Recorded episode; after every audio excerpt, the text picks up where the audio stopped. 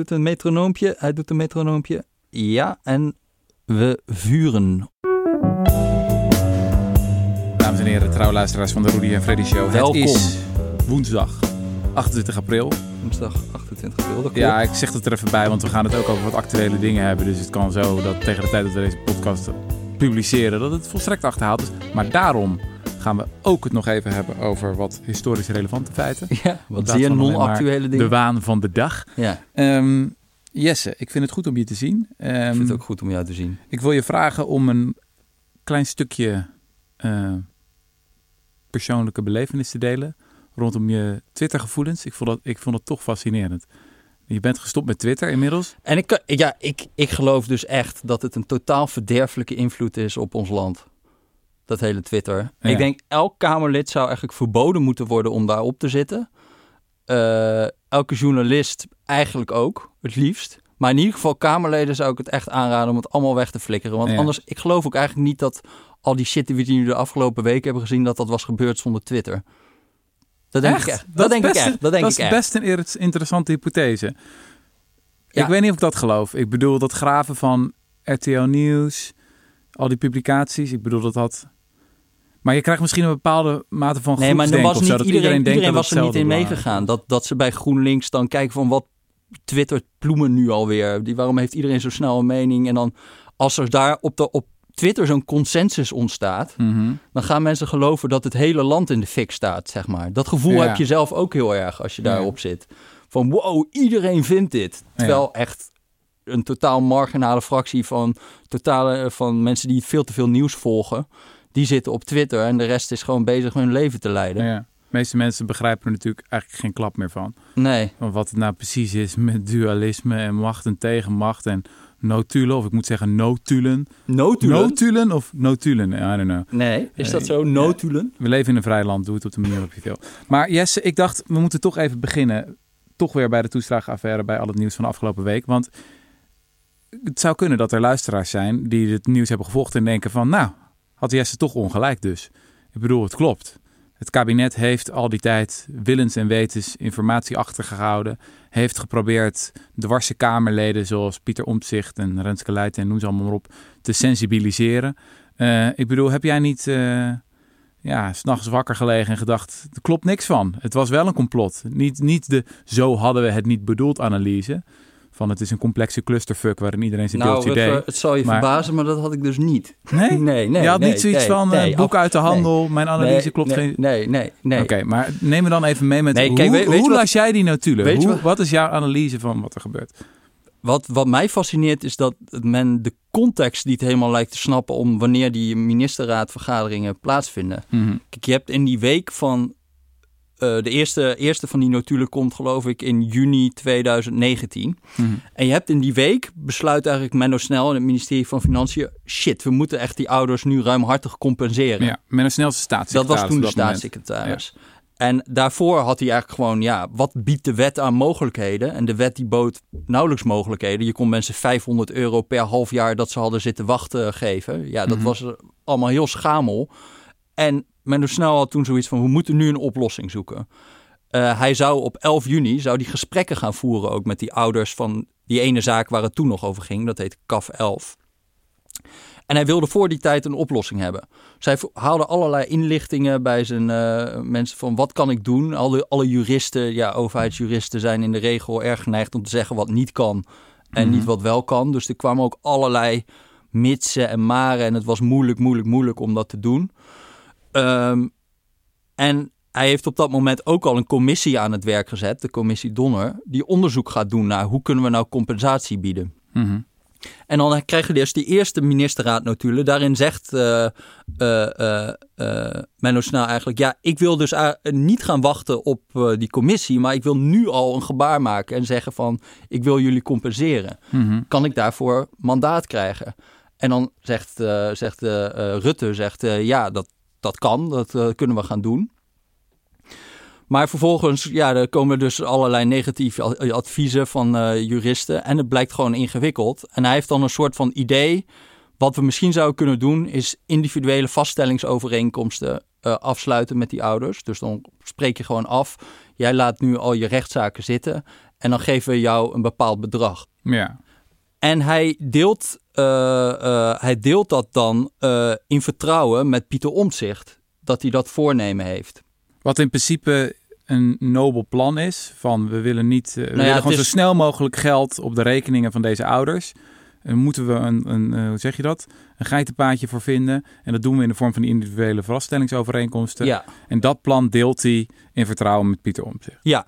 En dan lekt het de volgende dag uit naar RTL Nieuws en Trouw. Hoe zou dat nou gaan? Ja, hoe zou dat Ja. gaan? Nou ja, het is, niet, eh, het is niet gezegd dat Pieter Omtzigt dat heeft gedaan natuurlijk. Ja. Maar goed.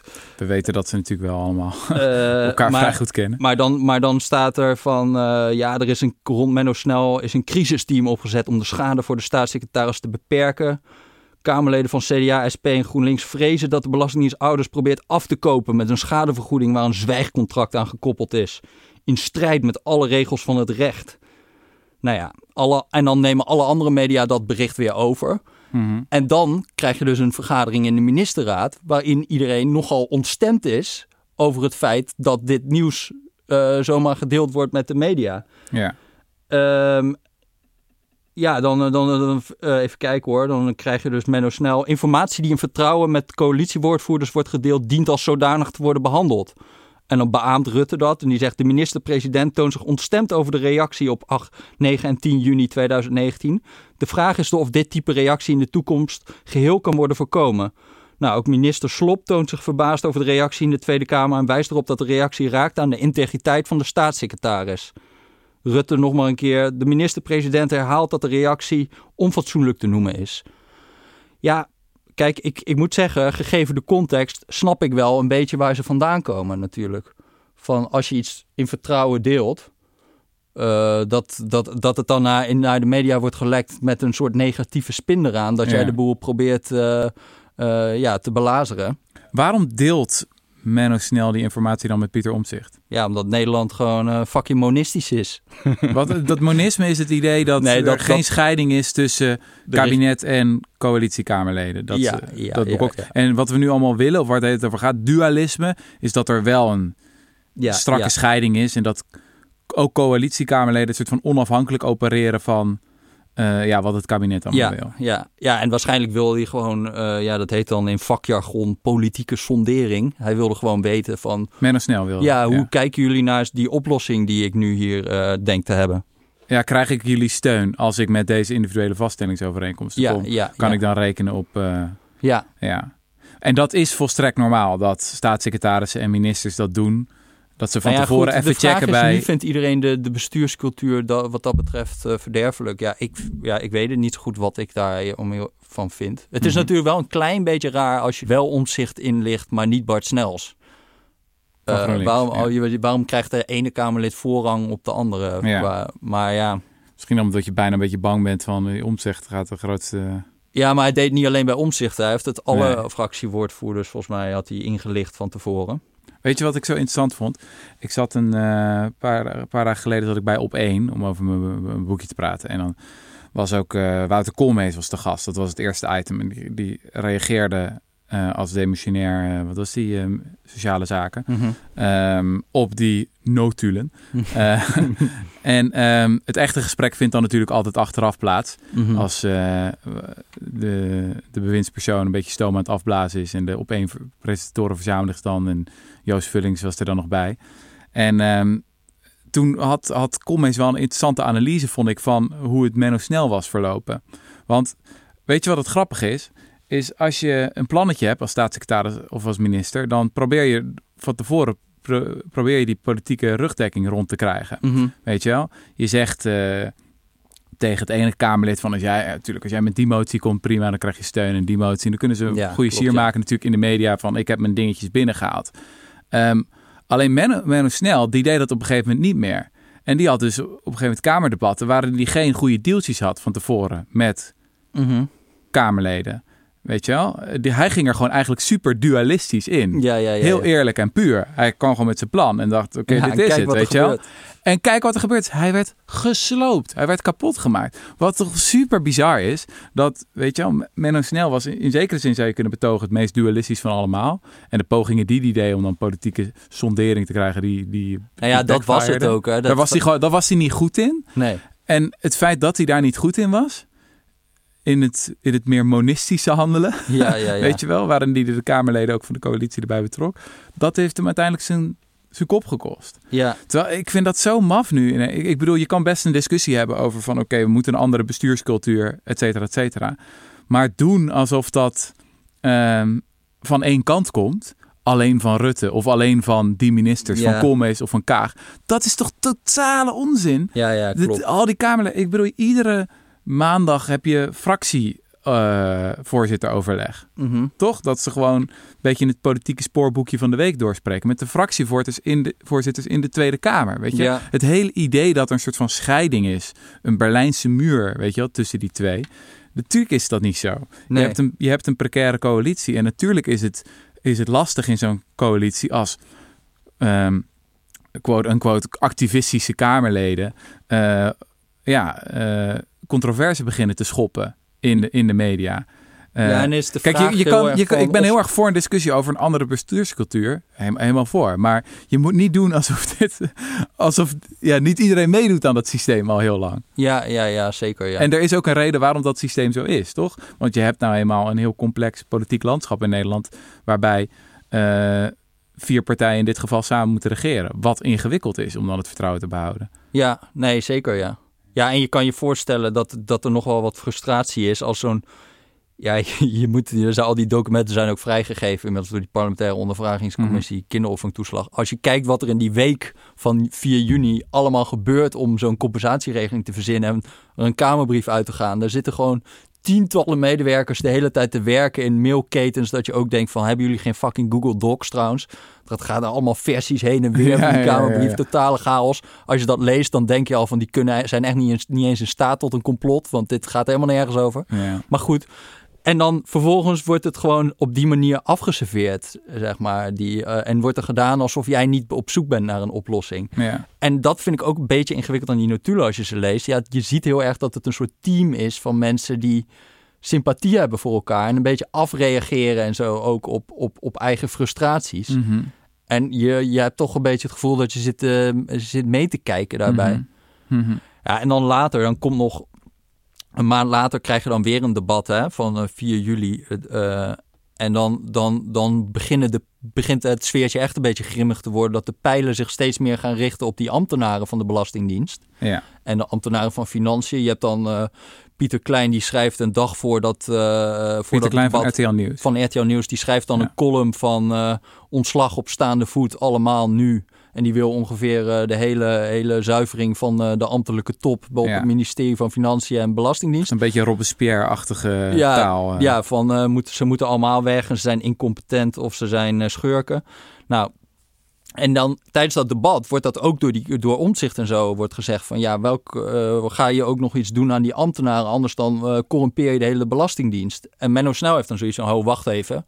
Ik ben verantwoordelijk voor wat er gebeurt in die eh, belastingdienst. Je moet mij erop aanspreken. We gaan het nu niet over individuele ambtenaren hebben, want zo werkt het niet in Nederland.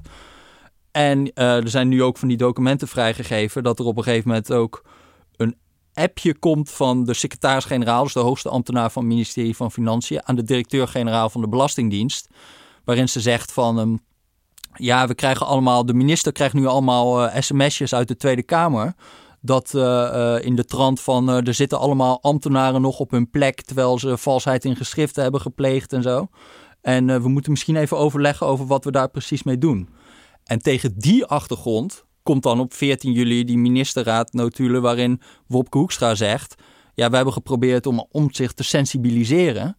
eh, eh, maar vooralsnog met weinig succes. Dus hoe lees jij dit? Jij, jij denkt, Omtzigt is op dat moment appjes aan het sturen naar bewindspersonen, naar bijvoorbeeld een Menno Snel van ik wil gewoon eh, namen, Nou, nou, rugnummers. Ik wil nu dat er ambtenaren ontslagen worden.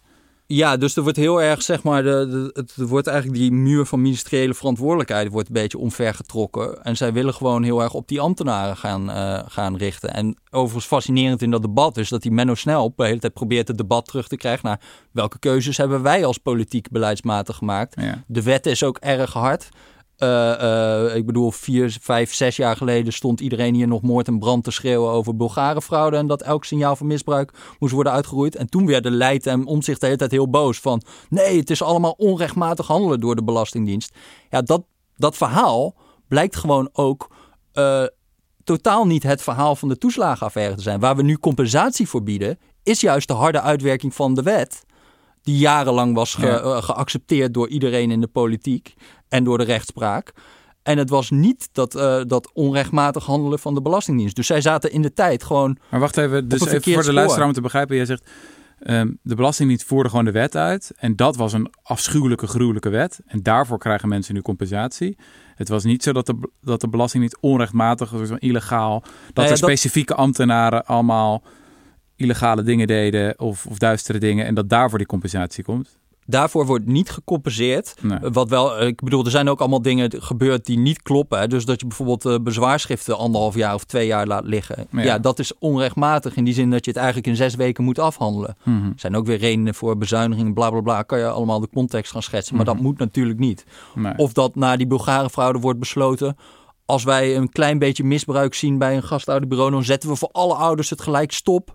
En dan moeten ze eerst maar eens bewijzen dat ze recht hebben. Mhm. Ja, dat is ook van achteraf door de rechter gezegd.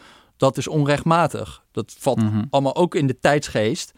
Maar eh, dat zijn niet de voornaamste problemen. Het voornaamste probleem is dat ouders vanwege betrekkelijk kleine foutjes, volgens de wet, de gehele kinderopvangtoeslag Ja. moesten terugbetalen. Ja. En ja, daar wilden ze gewoon, ook in de Tweede Kamer, die- de gevierde Kamerleden, wilden dat niet geloven. Of Nee. die wilden dat gewoon daar niet, daar niet in mee de hele Ja. tijd.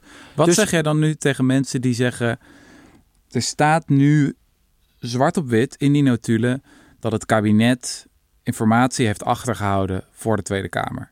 En dat mag niet. Ja, maar En dat, nu hebben dat we daar de dus weer-. Die, die, die lezen die notulen en die denken van dit is de smoking gun. Nu weten we het, we hebben nu bewijs. Het kabinet heeft informatie doelbewust achtergehouden voor de Tweede Kamer. Wat zeg je dan? Nou, dan gaan ze, dat, dat gaat dan over die notulen van in november 2019. Mhm. Dan is er een motie en die vraagt om een volledig feitenrelaas met een soort van wie wist wat wanneer over eh, eh, eh, ja, die, dat, dat antifraudeteam, Ja. het KAF binnen de Belastingdienst. En die, Ja. daar, ging het, daar begon het eigenlijk allemaal mee. Wat Menno Snel dan tegen de ministerraad zegt, ja, eh, luister, ik ben nu bezig, eh, het c- commissie Donner komt met een rapport. Daarin staat eigenlijk al deels een soort van feitenrelaas over hoe het, hoe het eh, heeft plaatsgevonden, in welke context. Eh, ik zelf kom met een hele lange Kamerbrief waarin ik probeer context te schetsen. En eh, de Auditdienst Rijk is op dit moment bezig met een onderzoek, maar dat komt pas in maart 2020, waarin nog meer het eh, hele eh, ding wordt ingekleurd. Mhm. Is dat voor nu voldoende? Zijn jullie het met mij eens? En ik ben niet van plan weer individuele ambtenaren te gaan noemen, namelijk. Mhm. Ik wil niet een wie wist wat wanneer. Mhm. Ik wil niet aan de Kamer gaan, ver- gaan praten over individuele ambtenaren. Ja, en daar komt dan een soort van akkoord op van die ministerraad. En nogmaals, dat is niet in mijn beleving onredelijk. Ik vind, ik vind, het, ik vind het eerlijk gezegd namelijk heel eh, twijfelachtig dat er de hele tijd eh, eh, naar individuele ambtenaren wordt gewezen. En dat is ook gebleken, want uiteindelijk wordt er onder druk van die Kamerleden wordt er een afstrafrechtelijke aangifte gedaan tegen de Belastingdienst. Waarvan het OM heeft gezegd over eh, politieke besluiten moet politiek verantwoordelijkheid worden afgelegd. Niet in het strafrecht. Dus die hele, dat is helemaal van tafel gegooid. Die aangifte bleek gewoon niet nergens op. Maar kan je niet zeggen van, kom op, geef dat hele feitenrelaas gewoon. Lak de namen weg van die ambtenaren. Maar En- die is gekomen hè. in maart, in maart 2020 heeft, het, heeft de Auditdienst Rijk, die is, was Mhm. al bezig met een, eh, een verslag, die heeft gewoon een heel feitenrelaas van wanneer wist de ambtelijke top van dit. Er worden geen namen in genoemd, Hm. maar dat, dat, dat feitenrelaas is er uiteindelijk ook gekomen. Alleen, ja, eh, niet, niet toen. Hm. En ik moet, kijk, en dit is nog een soort metapunt. Maar er wordt de hele tijd, zeg maar, eh, waanzinnige waardering vanuit de pers voor iedereen die vragen stelt. Maar of die vragen ter zake doen, of ze eh, meer zicht brengen op, het, op, op of ze. Of dit nou de oorzaak was van de toeslagenaffaire, Mhm. dat doet allemaal niet de zaak. Want dat kan, kunnen ze ook blijkbaar helemaal niet beoordelen. Ze snappen ook de context niet van deze notulen, merk ik aan alles. Ja, want dat is natuurlijk nog wel een ding. Is dat als je notulen leest van een vergadering eh, anderhalf jaar geleden. Het zou voor natuurlijk bij de correspondent. Ja, je moet wel echt even denken van... oké, wat speelde er toen ook alweer, weet je wel? Wat was er die week? Waar waren we mee bezig? Ja, Je hebt best wel wat context nodig om, om, om dat soort eh, vergaderverslagen te kunnen begrijpen. maar weet je, ik, heb echt, ik word echt een beetje depressief ook, ook voor mezelf. Want ik, wil, ik heb helemaal geen zin om de hele tijd die rol te hebben van dat ik dan hier weer de macht zit te verdedigen of zo. Ja, het is echt een beetje wel gewoon snel echt, gelopen maar- met de Rudy en Freddy show. Want ik bedoel, ooit, ooit zaten we met de zwarte vlag. En als er iemand staat te juichen als eh, het tij- tijdperk Rutte voorbij is, dan, eh, dan zullen wij het zijn. Het is helemaal niet onze beste vriend. Maar het is een beetje ironisch eh, inderdaad gelopen. Ja, nee, dit gaat, dit gaat helemaal de verkeerde kant. Maar ik vind, ik vind het zo irritant dat je gewoon alles zit te lezen en je hebt het idee dat mensen al een heel theaterstuk, het hele toneelspel he- hebben ze al geschreven. De rollen Ja. staan ook al vast. Pieter Omtzigt en Renske Leijten kunnen niks fout doen. Die zijn per definitie een soort heilig verklaard. En, eh, en dan heb je de regeringen, er zitten alleen maar boze snowdarts die niks willen en geen compensatie willen bieden en allemaal onwillig zijn. En voor de rest is het gewoon in dat verhaal alleen maar inkleuren. En iedereen leest erin wat ze willen. Ja, eh, er is ook geen beginnen meer aan. Ik zag Cizim Koolmees in die talkshow zitten. En ik denk, ja, prettige wedstrijd joh. Ga jij dit even in 10 minuten afpellen? Je hebt inmiddels gewoon een hele zomergastenaflevering nodig. Wil je Ja. nog alle, alle, alle misvattingen over die toeslagenaffaire gaan Ja. eh, corrigeren? Ja. Dus ja, oh man, ja. Ik kreeg ook trouwens een mail uit de Tweede Kamer van de tegenmacht. Hè? Wat dan? Ik zat even opzoeken hier. Renske, die eh, mij- mailde mij. Renske Leijten van de SP. Renske Leijten van de SP. Even kijken. Oh ja, hier. Ha Jesse, heb je goed geslapen na de notulen? Heel jammer dat jij en de correspondent meedoen aan de framing dat agenderende Kamerleden lastig zijn en moeten dimmen. Je beschadigt daarmee niet alleen mensen, maar vooral democratische waarden. Groet Renske. Is, toch, ja. is dat niet hoogst merkwaardig? Ja. Wat heb je geantwoord dan? Ja, niks. Ja, dat is wel... eh, maar, maar dat is toch ja. bizar? Hè? Ze gaat allemaal Ja. kamervragen stellen of, of ik in een of ander complot zit met het ministerie van Financiën. Of mijn bronnen al worden, eh, worden zeg maar, eh, strafrechtelijk onderzoek naar doet. Dan krijg je dit soort mailtjes. Ja. Maar zij gelooft dat wel. Zij gelooft het wel echt. ja tuurlijk. Zij, zij heeft wel echt het beeld van... ehm, ja, het kabinet is alleen maar mee bezig met beeldvorming. Geeft geen energie om die, om die 30.000 ouders. Ehm, en ja, dan heb je ook nog eens van die... eh, onnozele idioten zoals Jesse Frederik... die eh, een soort van hun PR-woordvoerders zijn. En Ja. het verhaal eh, van de Belastingdienst naar buiten brengen. Dit, ze- ja, ze denkt dat wel echt. Ja, nou ja, ongetwijfeld. Maar Ja. kijk, ik, nou ja, anyway, whatever. Ik ben er, ik word er ook echt depressief van. ja, ja. Maar hoe kijk je dan, want dat was volgens mij ook wel een breed gedeelde analyse, is van die notulen laten zien dat we een kabinet hebben dat vooral bezig is met beeldvorming. Dat de hele tijd aan het nadenken is van oké, hoe kunnen we dit brandje blussen? In plaats van echt nadenken over hoe kunnen we die ouders zo snel mogelijk helpen. Maar daarvan zeg je ook van dat, dat klopt feitelijk niet. Zo van Menno Snel was Nou ja. daadwerkelijk heel hard bezig om zo snel mogelijk compensatie te bieden aan die ouders en deed alles wat hij kon. Eh, en het werd eerder tegengewerkt door elke keer weer een nieuw mediabrandje. Dat eh, een soort van de tandem RTL slash eh, Pieter Omtzigt Renske Leiden veroorzaakte. Leiden. Ja, ja en, en, en, en bovendien hoe je allemaal dat soort verstrekkende conclusies kan gaan trekken op basis van een heel klein deel van alle notulen van de ministerraad vind ik sowieso twijfelachtig. Ja. Maar ook uit die notulen blijkt wel dat die, ik bedoel die, die, eh, die Menno Snel zegt al op 7 juni, ik wil eigenlijk zonder dat rapport van eh, Donner, wil ik al compensatie gaan bieden. Ja, dat lukt hem uiteindelijk niet, omdat er allerlei, iedereen dwars gaat liggen, zeg maar, daartegen. Mhm. Overigens ook nogal ironisch, die advocaten van die, eh, van die ouders, die hoorde ik op de radio zeggen, Eva González Perez, van eh, Ja, dat Ja, is, het- zij heeft ook zo'n aureool boven zich. Hè? Dat zij is ook de grote held van de toeslagenaffaire die heel lang heeft doorgeprocedeerd, voor die ouders is opgekomen en heeft gezegd... en dat is ook zo. Hè? de Kijk, onderste steen moet boven. dat, dat, is, dat is ook allemaal zo. Maar ik, kijk, ze zit dan op de radio, zegt ze van eh, ja, het, de, de notulen laten zien dat ze de zaak zo klein mogelijk probeert te houden. Ja, sorry hoor, maar zij probeerde in de tijd de compensatieregeling klein te houden. In die zin dat haar man is van dat gastouderbureau, hè, waar het over gaat. En, zij, en, die, en die, eh, eh, zij wilde alleen maar dat die ouders van het gasthuisbureau van haar man gecompenseerd Ja. werden. Zij stuurde dan allemaal mailtjes naar bijvoorbeeld Boink. Hè, dat is de Belangenvereniging voor Ouders in de Kinderopvang. Mhm. En die probeerde toen aan de hand van deze zaak te zeggen: ja, maar luister, het gaat niet alleen over deze ouders. Er zijn er nog duizenden hier. Mhm. En wij, schrijven, wij hebben het hier al jaren over. Ouders van de Parel, ouders van de, de Appelbloesem, andere eh, kinderopvang en gastouderbureaus. En dan mailt zij hem van ze klaagt dat Boeing dan nooit iets heeft gedaan voor haar cliënten. Wel verliest Boeing zich geregeld in de burgers die bij foute kinderopvang, zoals de Parel waren, klant waren. En die formeel geen recht hebben op, kind, toeslag. Daar komt hij dan wel weer voor op. Dit zijn burgers die ik niet wens bij te staan en waar ik mijn cliënten niet mee wil identificeren. Oh, wauw. Dus zij wilde de toeslagaffaire eigenlijk kleiner houden.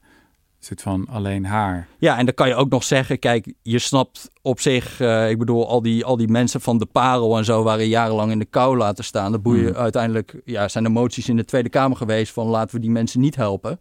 Dus je snapt van haar uit advocatenoverwegingen ook wel van, ja, ik wil niet, eh, ik moet niet in dat eh, hoekje Nee. zitten, want anders dan gaan we, gaat het gewoon sowieso niet lukken. Nee. Dus je kan ook zeggen, dus misschien doet ze gewoon haar werk heel goed. Maar ik vind dan wel, als je dan nu op de radio gaat zeggen, je probeert het zo klein mogelijk te houden en je hebt in de tijd zelf gewoon, gewoon gepleit voor een kleine, kleinere compensatieregeling. Ja. Ja. dit is allemaal.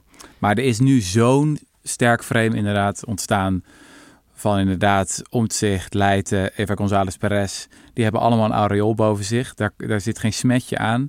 Dat is echt de tegenmacht, of het nou vanuit de advocatuur of de of het eh, parlementaire hoek komt. En trouwens ook voor die RTL-journalisten. Dat zijn echt allemaal de gravers die komen op voor het goede. En daar tegenover staat de corrupte elite die alleen maar bezig is met beeldvorming. Ja, dat frame is nu zo sterk gevestigd. Ik vraag me af of dat. eh, ik denk, de, e- eerlijk gezegd, er zijn momenten dat ik denk van de enige manier waarop we hier vanaf komen is dat die Rutte eindelijk een keer opstapt. Wat ik ook best prima zou vinden. Eh, Soms denk je ook van waarom zit hij er nog? Weet je wel? Eh, Ik vind het vooral belangrijk dat hij de na, langzittende naoorlogse premier is, volgens mij. ja, Weet je wel? Ja, soms moet je het ook gewoon gaan. Ook al is de reden dat je gaat misschien onrechtvaardig of klopt niet helemaal. Maar ja, op een gegeven ja, moment ja, moet je gewoon zeker. wegwezen. Schoon schip. Menno Snel is uiteindelijk ook gegaan, toch? En terwijl hij ook wel wist van inhoudelijk slaat dit nergens op. Weet je wel, ik heb mijn uiterste best Ja, gedaan. nee, er kwamen allemaal leuke cartoons in de krant over dat hij achter tralies moest. Lock him up, lock him up. Weet je wel, die eh, vibe was Ja, er toen ja. helemaal. Ja, dat is Ja. echt ook onfris, jongen. Ja. Maar Maar ja, de wereld is soms onrechtvaardig. En soms moet je ook gewoon nokken, ja, nee, Ja. klopt. op je conclusies trekken. Want wat het is natuurlijk wel zo, ja, je wordt er heel depressief van, van het feit dat we nu dus, eh, eh, weet ik veel hoeveel weken na de verkiezingen zitten. En Ja, het heeft dat- echt nog geen moment over de inhoud gegaan. Ja. Het is allemaal Haagse navelstarderij. Ja. En, eh, met, Maar dat is toch echt... Dat is zo schandalig. je krijgt Code, nu, code zwart nu- op de IC's. Woningmarktuitdaging van hier tot Tokio. ja, die stikstof, herstel, Klimaatverandering. Ja. We moeten echt een, een verduurzamingsopgave van je welste. Pensioenen. Ik bedoel, de, de thema's zijn echt immens. Eh, de uitdagingen waar we voor staan. En dan wekenlang zitten we Cluedo te spelen met elkaar. Ja, Ja, ik eh, nee, en, ik, en ik voel ook mee met, eh, met onze Hermie, met Herman. Ja, Die was, die was zo goed bezig. Hij was lekker aan het zwijgen. Oh, ja. Het, het leek allemaal weer rustig te worden. En dan krijg je weer dit soort shit. Nou ja. Ja, ja, ja. Whatever. Whatever. Oké, jongen. Oké, we gaan het hebben over iets, iets minder actueel. ja, ja, ja. Wat een bruggetje. ja, wat een bruggetje. Ja, man. Je hebt een mooi boekje geschreven. Thanks, man. Ja, Thanks. ik heb wel echt met veel eh, plezier gelezen. Natuurlijk al een hele poos geleden. Ja. Maar het was echt, eh, echt genieten. Hoe kwam je erop eigenlijk? Nou ja, weet je, eh, het kwam natuurlijk heel erg voort uit dat vorige project, hè, De meeste mensen deugen. Ja. Dan is natuurlijk de standaard vervolgvraag van, ja, de meeste mensen deugen. Maar in de oorlog ging dat geloof ik even niet helemaal goed. Ehm, en ik heb geloof ik ook wel eens eerder in de podcast gezegd, van dat ik soms op een gegeven moment een beetje het ongemakkelijke gevoel kreeg dat ik een, dat ik een aflaat had geschreven. Mhm. Weet je wel, een soort van bijbel van mensen die zich toch ook wel lekker, lekker wilden voelen over zichzelf. En dat je dan, eh, nou ja, op Instagram een fotootje voorbij zag komen van iemand die lekker op Vlieland met een wit wijntje mijn boek aan het lezen was. En zei, heerlijk, een mooi boek. Ja. ja. Die Bregman, eh, ja, dat is een ontzettend hoopvol boek. dat is lekker en eh, nou, heel fijn. Ja. Santé, weet je wel. Ja, en dan dacht ik wel eens van, oh ja, je, inderdaad, dit, dit boek kan ook een soort van ja, excuus zijn om dan maar niks te doen, weet je wel. Om het jezelf niet wat moeilijker te maken. En de, soort van die zin is, is iets wat me in de afgelopen eh, maanden steeds is bezig gehouden. Van kunnen we het onszelf iets moeilijker maken? Ja, Eh, zowel op, eh, politiek niveau. Als het gaat over klimaatverandering. Dat is ook alweer een dik jaar geleden dat ik een stuk geschreven over klimaatmobilisatie. Van dat is echt veel ingewikkelder dan, dan mensen denken. En de Mhm. uitdaging waar we voor staan is zelfs volgens mij groter dan, dan veel links-progressieve mensen doorhebben. Maar in termen van hoeveel er gedaan moet worden, hoeveel het kost. En dan is echt de vraag ook van, zijn we bereid offers te brengen? Mhm. Of gaan we zodra het eh, eventjes ongemakkelijk wordt, komt er dan weer een referendumpje lokaal, stemmen we allemaal nee? Ja, ja, ja. ja. Ehm, als er een windmolen of wat extra hoogbouw komt in onze buurt. Mhm. Ehm, dus toen dacht ik van oké, kunnen we het onszelf moeilijker maken? Maar ook op individueel vlak. En eh, toen ontstond het idee van kan ik nou niet...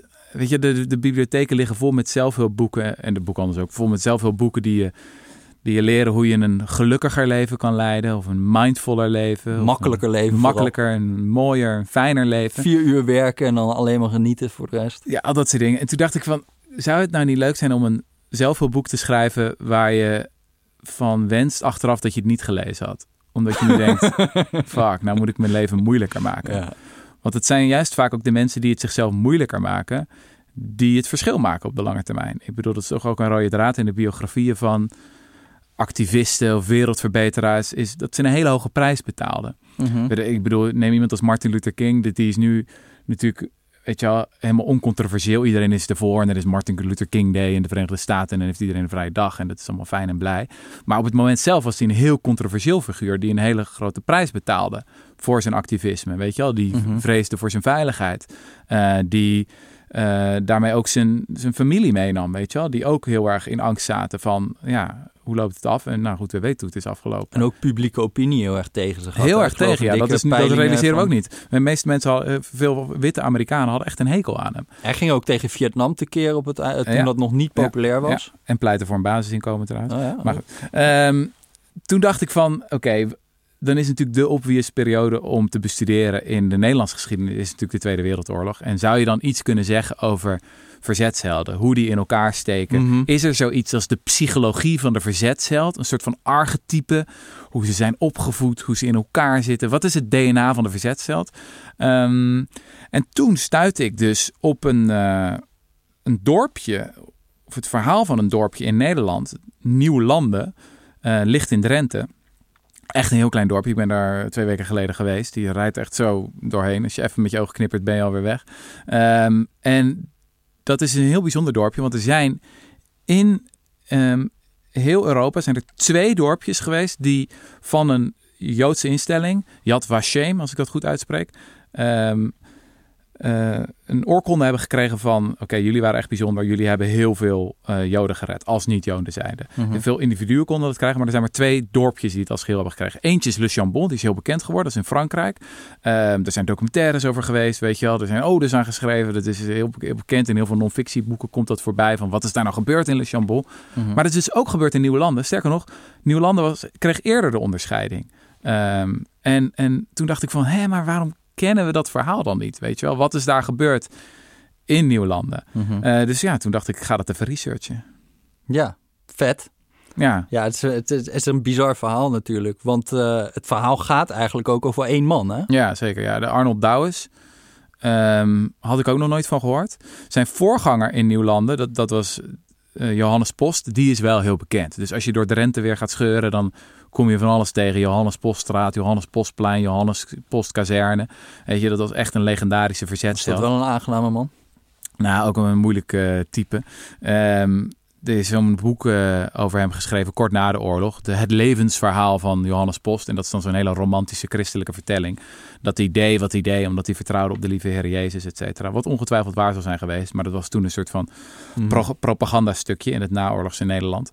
Ehm, maar veel minder bekend was zijn opvolger in Nieuwlanden. Dus op een gegeven moment moest Johannes Post weg uit dat dorpje. Hij had al een, een begin gemaakt met het opzetten van een onderduiknetwerk. Dat heel veel, vooral Amsterdamse Joden, naar Drenthe kwamen.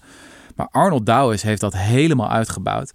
eh, samen met zijn compaan Max Leons, die trouwens een eh, Jood was. Dat is ook interessant. Er was ook best wel wat Joods verzetswerk. Mhm. Ehm, en eh, ja, de manier waarop ze dat deden, totaal fascinerend. Mhm.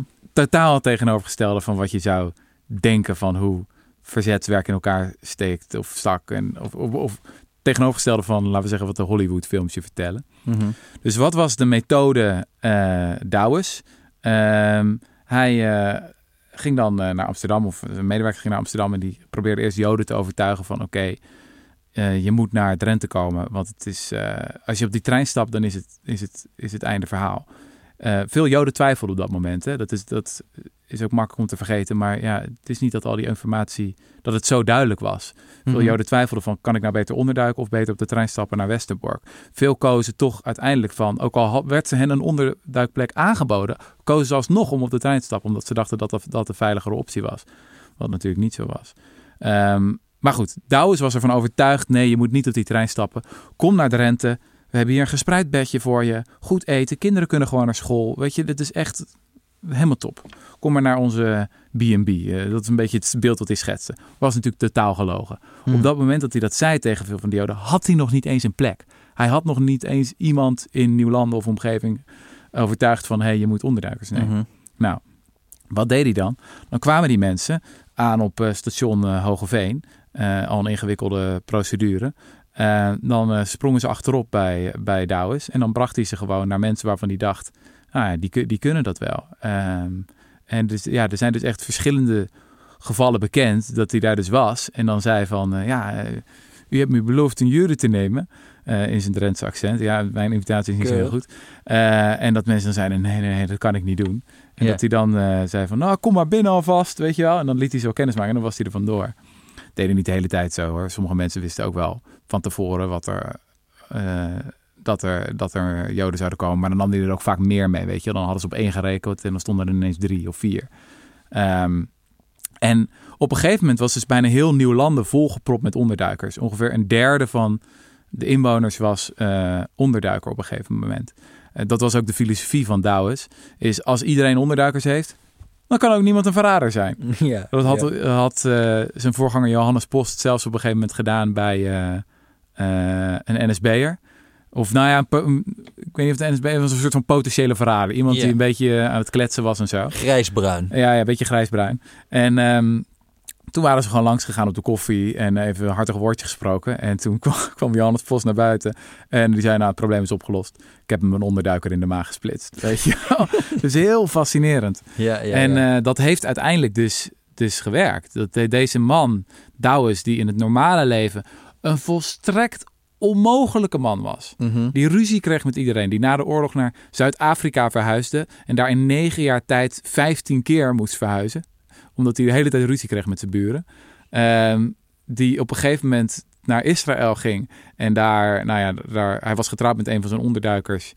Dat werd een heel tragisch huwelijk. Die dochters, uh, ze kregen drie dochters die... Uh, uh, ja, mochten dan heel veel niet. Weet je, die moesten de hele tijd mens erger niet met hem spelen.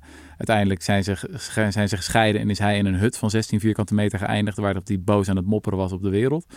Nou ja, zo'n man die in normale tijden niet functioneerde, deed in, in onmogelijke tijden deed hij wat de meeste mensen niet konden. Mm Ja, fascinerend ja, ja, toch? Ja, dat is fascinerend. Ja, je vraagt je altijd bij dit soort figuren dan wel af.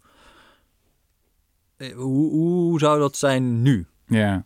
Hoe zou, zo, zou kijk, je, je zegt, uh, wat maakt een held? Ja, ja, ja. ja. Maar wat, wat uh, een held is ook afhankelijk van zijn context. Ja, uh, zeker, ja. Nou ja, Dit was bij opeen vroegen ze me, is Pieter Omtzigt ook zo'n held? Ja. En ja, toen dacht een ik, soort heldenlijstje aan het ik, ik, ik, ik dook een beetje voor de vraag. Ik zei van, nou, de historici moeten het uitwijzen. Maar eerlijk gezegd, ik denk dat Pieter Omtzigt wel iemand was het zou mij niet verbazen als hij in de oorlog heel veel onderduikers had gehad en had weggezet. als hij er zo iemand was geweest. Die gewoon zo rechtlijnig was van, weet je wel, als, er, als mensen onderdrukt worden, dan moet je ze helpen. Mhm. Klaar. Ik heb trouwens wel een paar fragmenten. Dan kunnen we misschien ja, eventjes, mooi, uh, een stukje podcast innovatie doen. Want hij is, er is één interview met hem geweest in juni 1988 door Gay Block en Malka Drucker, twee Amerikaanse onderzoekers. En dat interview is zo lijp. Ik, ik, ik, eigenlijk kan mensen heel erg adviseren om daar gewoon voor te gaan zitten en die hele anderhalf uur te bekijken. Want het is echt, of het is twee uur zelfs, echt super indrukwekkend hoe hij erover vertelt. Oké, ik ga wel even een paar, even een passage laten horen. When you see, when you see uh, an injustice done, you do something against it. When you see people being persecuted, and uh, I didn't care whether they were Jews or Eskimos or, or Catholics or whatever. They were persecuted people. And you have to help them. And that's the way Mr. Otten thought about it. They were persecuted people. It was a great injustice. And whether they were Jews or Eskimos or, uh, or whatever, Right. made no difference whatsoever. Why To me, not. And also to Nico, not, who was a Jew himself. Nico, my friend, it's pity you don't meet him. He's in Israel Yeah. at the moment. Yes. I didn't, I didn't want to go there, but uh, I'm glad he went. Yeah, you should look to the television Yeah, but is. Uh, Hij, die Douwes die werd ook altijd boos als hem gevraagd werd van waarom deed je wat je deed. Want dan had hij zoiets van, dat is een hele gekke vraag. Als mensen vervolgd worden, dan moet je ze helpen. Dat is duidelijk. Nee, je moet mij niet vragen waarom ik deed wat ik deed. Je moet al die andere Nederlanders vragen die dat niet deden. Dat is, het, dat is wat verklaard moet worden. Weet je wel? Dat is de grote, grote schande. Wacht, ik heb nog één passage die ik, die ik wil laten horen. Even kijken hoor, die zit hier volgens mij. Ja. Story, I have to ask a few questions, and I'll ask you about this at the end. One question I wanted to know is, is do either of you have any regrets about the war? Regrets? Of course we have regrets. But that a thing like that is possible. How can you not have regrets? But you personally, I mean, i- i- about Yes, I have regrets that we didn't do much more than we did. We didn't do anything. You know that a hundred thousand people from Holland went, went to, uh, to Auschwitz? It's a disgrace for this country, and forever a disgrace. Regrets, of course. he is more a Jew than average Jew. I think you that's right. understand? You don't have to be a Jew for that. Yeah, That's not it. uh, It's been, it's been an, an, an- forever a shame that even in a place like New London, it was so damn difficult to find places. May I give you one example of how difficult it was? of course. Oh, you haven't got any more time. Please. No. No. Oh, I was telling you that and then I, I stopped it. Why did I stop it? I don't know. But oh, the, the Jewish couple. Yeah, the Jewish couple. Please I'm talking that. No, we came to a place, I forgot the name of the man. You know what. It's okay. But it doesn't matter, it doesn't Go matter. ahead. A farm, a big farm. And uh, we had promised these people, we have a beautiful place for, for you. Nice, safe, everything, all lies. Hmm. So, nothing, otherwise they wouldn't have come. Yeah. So, we said, to stay here. It was raining, they stayed outside. We have to go in. Nico and I were to go. We went to this man. Oh, hello, hey, yeah. come in, it's raining outside. Yeah, fine. Oh, how is it? Oh, okay. No, coffee, something to eat. Yes, but we have some people here outside. But uh, we want you to take them in. Oh no, you don't ask me that. No, don't ask me that. If you want money, I can give you money. But don't ask me that. Ik schijt in de box van angst. Als- that? Never mind. Never mind. Sunday I'll translate later. Schijt in de box. Ja, dat zei hij letterlijk. No, no, no. If you want money, I can give you money. Yeah, money was also welcome, of course. But uh, he won, and we talked. I said, listen, but what have you got on your door? In God vertrouwen, altijd goed bouwen. In God, if Trust you in to trust in God, you're all right. You're you're, you're built on a solid ground. See. And we talked and talked and talked, and we didn't get to first place. And these two people were outside, getting so wet, and we had no place for them. And then Nico said, and I'll never forget it. Nico said all of a sudden, "Okay, Jantje." I forgot his name. Doesn't matter. Johnny, I, I call him now. Okay, Johnny, that's fine. Thank you very much. Fellas, come inside. Everything is fine. And took them in and we left. and they were inside. and we left. Ja, oh, oh. Ik heb dus geprobeerd te traceren van wel, eh, welk echtpaar dit was. En het was een Joods echtpaar, een badmeester en, en zijn vrouw. En die hebben dus de oorlog overleefd. Die hebben daar echt een aantal weken nog gezeten op dit adres. Eh, Nico eh, was trouwens de schuilnaam van Max Leons. Dat was dus de compaan van, eh, van Arnold Douwes. En samen fietsen zij heel eh, Drenthe af op zoek naar adressen. Vaak met onderduikers achterop. En ehm, ja, toen, toen had ik eigenlijk bedacht van ik kan dit verhaal misschien ook gebruiken om eh, het wetenschappelijk onderzoek in te duiken. Mhm. Want vooral vanaf de jaren tachtig is er best wel wat onderzoek gedaan. Eh, in eerste instantie vooral psychologische studies. Vanuit die, het idee van die, we kunnen die vraag beantwoorden van wat is een verzetsheld? Zijn er misschien ja, specifieke karakteristieken of zo in de opvoeding? En dan is het echt interessant wat dan opvalt. Er is één groot onderzoeksproject geweest. Dat heette de Altruistic Personality Project. Door Samuel en Pearl Ollener. Uh, twee professors die ook getrouwd zijn. Um, en um, daar kwam eigenlijk niet zoveel uit. Dus dan heb je zo'n heel dik boek. En natuurlijk, die onderzoekers maken er van alles van. Maar als ik dat, dan die tabellen zo zat te bladeren, dan bijna bij alles was het niet significant, niet significant, niet significant, niet significant. Um, weet je, als statistisch niet. Ja. Er kwam niet zoveel uit het onderzoek. Wel wat voorzichtige dingen. Dus het valt wel op bijvoorbeeld dat gereformeerden overtegenwoordigd waren. En communisten ook. Weet je, Ja. een beetje de mensen aan de flanken die met sterke ideeën en principes, dan Mhm. zitten dan misschien vaak in het verzet. Maar laten we wel zijn, de meeste gereformeerden zaten weer niet in het verzet. En de meeste communisten ook niet. Ehm, lijkt iets voorzichtig te zitten in de opvoeding of zo. Dat wel in veel interviews naar voren komt. Dat eh, verzetshelden ja, werden opgevoed op een manier dat ze leerden een eigen morele kompas te ontwikkelen. Van op een eigen oordeelvermogen te vertrouwen. Ehm, niet soort van niet heel libertair vrijzinnig of zo, wel duidelijke regels, maar je legt die regels vervolgens uit. Je legt uit als ouders van waarom mag dit niet, waarom mag het wel. Mhm. Nou, dat zijn wel voorzichtige dingen. Maar aan de andere kant dacht ik ook van ja, ehm, er zijn natuurlijk, waren natuurlijk ook heel veel mensen die zo waren opgevoed en niet in het verzet gingen. Ja. Ehm, en als je dan de geschiedenis van zo'n dorpje als Nieuwe Landen bestudeert, dan realiseer je ook van ja, het gaat helemaal niet over individuele psychologie. Eh, Mhm. Het gaat meer over de besmettelijkheid van verzet. Mhm. En ehm, dat bleek ook uit vervolgonderzoek. Er was één heel mooi paper gepubliceerd in de jaren 90 met de titel The Importance of Being Asked. En dat zegt het dan al een beetje. Mhm. De meeste mensen werden gevraagd om in verzet te komen. Ja. Nou, dat was natuurlijk niet helemaal willekeurig. Je kan niet iedere Henkie gaan vragen van... hey, wil jij misschien onderduikers hebben?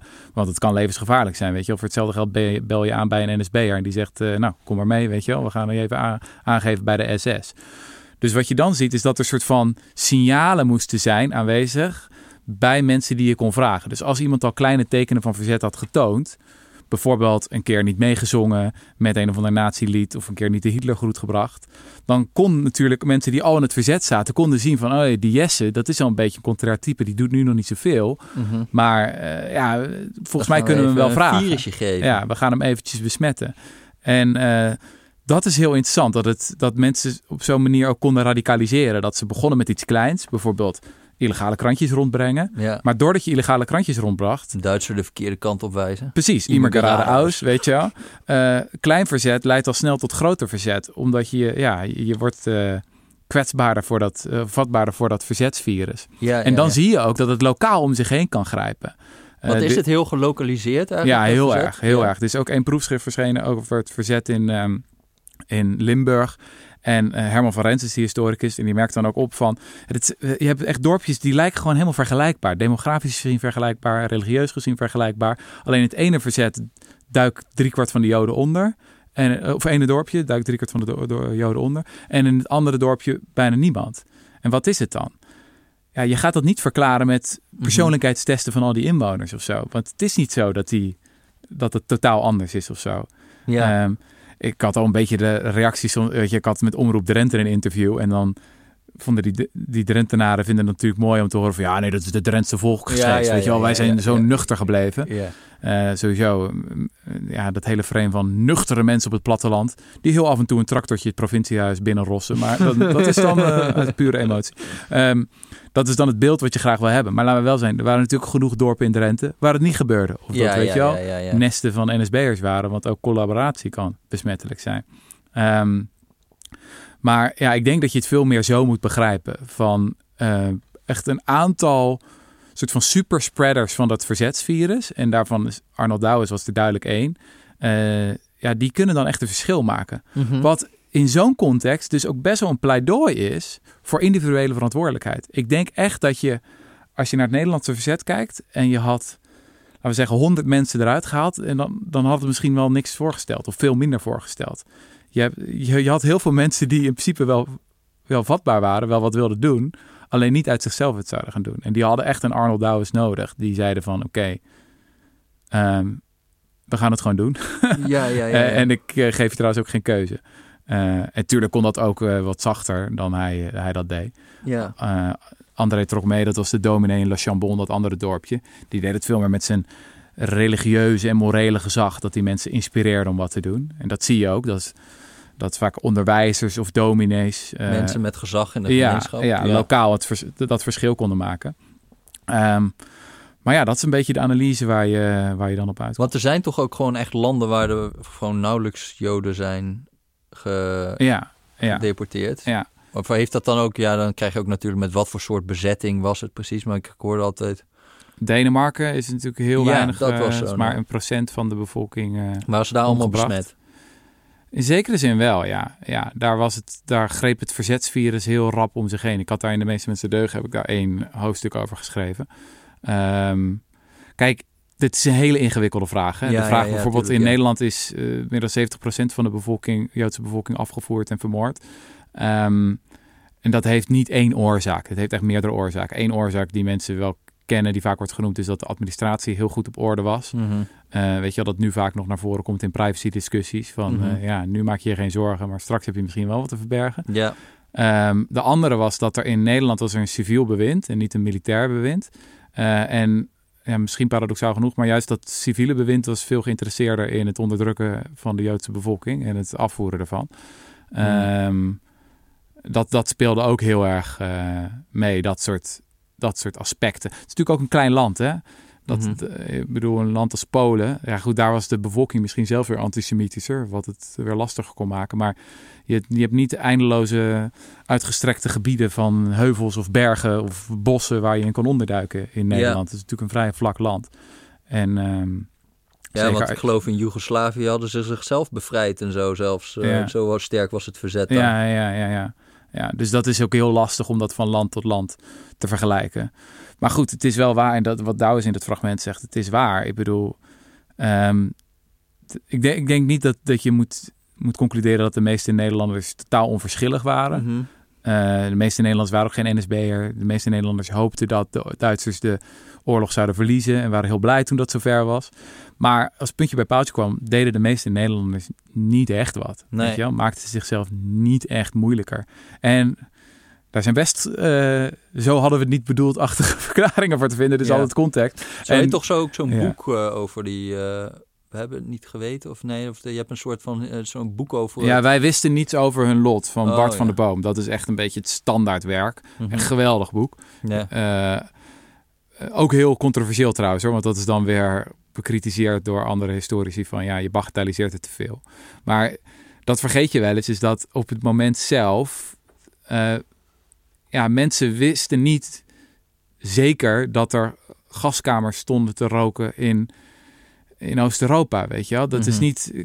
Achteraf is het altijd is het heel anders als je terugkijkt op dat soort passages. Maar een van de uitdagingen voor historici is je echt inleven in die tijd zelf. En bedenken, mensen hebben niet, hadden niet de informatie die jij nu allemaal hebt. Ehm, je weet niet hoe lang het, gaat, hoe lang het ging duren, weet je? Of, of de Duitsers de oorlog gingen winnen, of dat, de, of dat de geallieerden toch al zouden komen. Al die aspecten wist je niet. En wat ook nog meespeelde, is dat er tijdens de Eerste Wereldoorlog was er heel veel fake nieuws. Hè? Mhm. Eh, er was toen allerlei, vooral door de Britse pers, fake nieuws over Ja, de Duitsers baby's verspreid. gegeten werden en zo. Precies, over baby's die door op bajonetten werden gespiest en zo. En ehm, dat heeft waarschijnlijk er ook aan bijgedragen, is dat veel mensen die eerste verhalen en geruchten over gaskamers in het oosten gewoon, ja, ze En konden dat had niet die geloven. Arnold Douwes dan... eh, Ja, er is één. ehm, er is één. Ja, misschien kan ik dat fragment ook nog even laten zien. Kijk, hij woonde in Laag Keppel. Dat ligt tussen Doesberg en Doetinchem in. En daar werd op een gegeven moment de eerste. Ja, een vriend van hem, Sam Jacobs, de dorpsslager. Die werd meegenomen naar Mauthausen. En na een tijdje kwam het bericht dat hij overleden was. En dat was volgens mij voor hem een beetje. Of hij overleden, vermoord was. Eh, en dat was volgens mij voor hem een beetje turning point. En dat is misschien wel het indrukwekkendste moment in dat hele interview. Wacht, ik zet dat even aan. Het is heel. Douwes is hier. Ja, mensen zouden het eigenlijk ook even op beeld moeten kijken. Want Douwes is heel geëmotioneerd hier. Alleen die emotie blijft op een bepaalde manier ook opgekropt of zo. Ja, het is ook. eh, mm, dat vond ik ook wel interessant. Dat, het, dat is nog één ander aspect wat uit het psychologische onderzoek bleek. Is dat empathie en gevoelens voor de meeste verzetshelden niet echt de drijvende factor was. Dus, eh dus één historica, Eva Vogelman, die, die klassificeert dan al die verzetshelden. En e- eentje noemt ze dan de soort van de emotioneel empathische redder Ja, of zo, ja, ja. zoiets. En dat was volgens haar maar 1% van het geheel. Eh, voor de meeste mensen was het toch meer, nee, dit zijn mijn principes en daarom handel ik, weet je wel. Of ik doe het vanuit mijn beroep of zo, vanuit mijn Ja, verantwoordelijkheid, net zoals je kan je voorstellen als je emotioneel empathisch is, dat het heel moeilijk is om te gaan zitten liegen tegen iedereen en, eh, en een soort van raar dat, dat leven wat zo'n Douwers dan heeft van dat je allemaal Joden moet voorliegen om hier te komen. Ja, Vervolgens ja, die ja, mensen ja. moet gaan voorliegen om die Joden weer op te Ja. vangen en zo. Dat is natuurlijk Ja. op persoonlijk vlak. Ja. Hij moest Eh, best wel een machine zijn in bepaalde Ja. opzichten. Gewoon niet nadenken, doorgaan, doorgaan, doorgaan. Nou ja, goed, laten we even die passage bekijken. There was a girl from Duisburg that's uh, sitting nearby on a bicycle, and she was. She said the telephone. She came to me. She said, "I cannot talk. I have no more breath. You you take it further. Go to Sam Jacobs. Tell him to go hiding. But they're going to pick him up." Ja, dit, dit was dus helemaal aan het begin nog van de oorlog. Volgens mij in 41. Ja. En dat dus een meisje eh, zegt van... eh, ze komen eraan. eh, pak, je, pak deze fiets, Ar- Arnold. En ga zo snel mogelijk hem waarschuwen. Want hij moet, hij moet nu vluchten. Want ze komen eraan.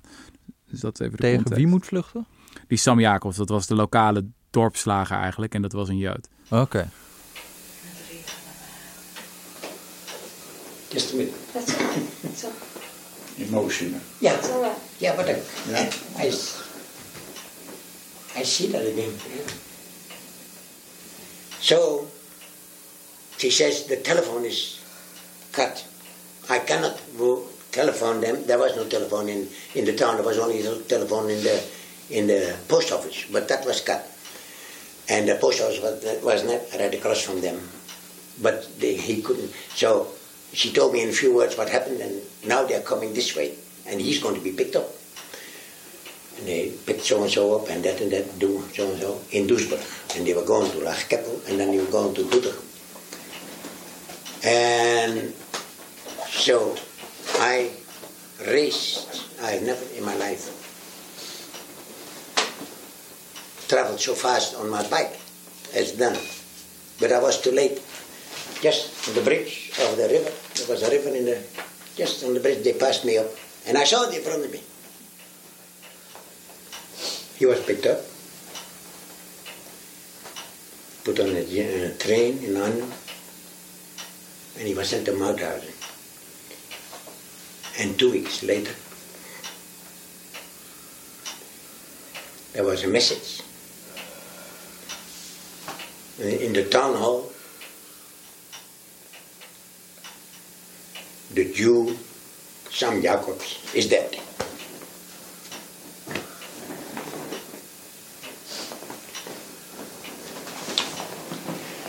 Message from Malta. And that was in 41. Early. Then I knew what we had to do.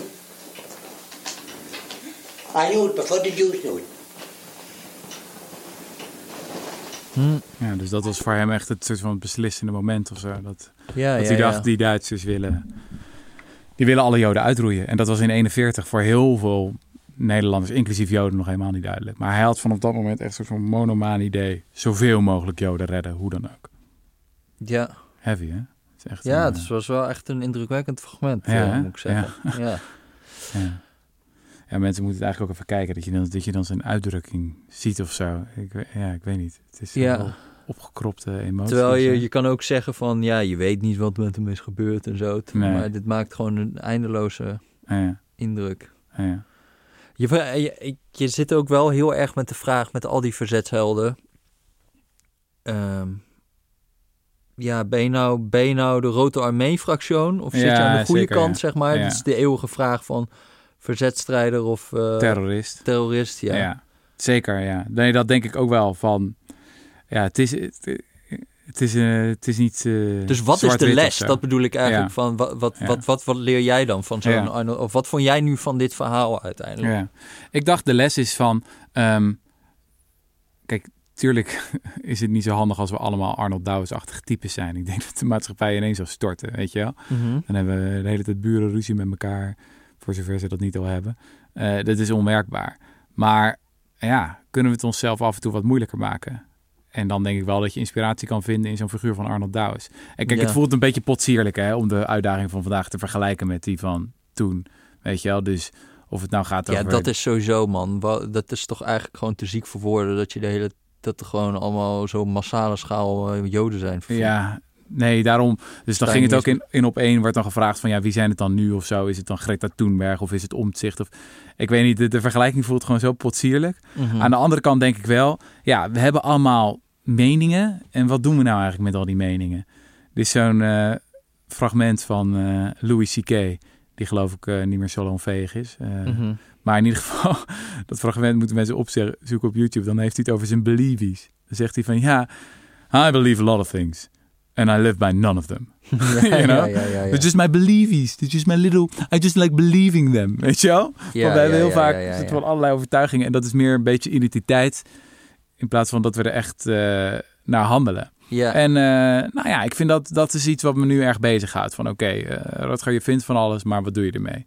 Dus eh, nou ja, zelf eh, elke dag een klein beetje... Kijk, zo'n Arnold Douwes, dat... eh, ja, daarvoor wil ik te graag aardig gevonden te worden, denk ik. Ja, ja, ja. Eh, dat, dat, dat zit er niet in. Maar ehm, ja, jezelf ietsje pushen eh, op een aantal vlakken. Dus ik had, eh wat is het ook een paar maanden geleden, zo'n stuk geschreven over de linksmens. Die altijd heel goed systeemkritiek kan leveren op, op Shell en Unilever en de belastingontwijking. En tuurlijk, dat is prima. Het grootste deel van mijn oeuvre gaat over dat soort sy- systeemkritiek.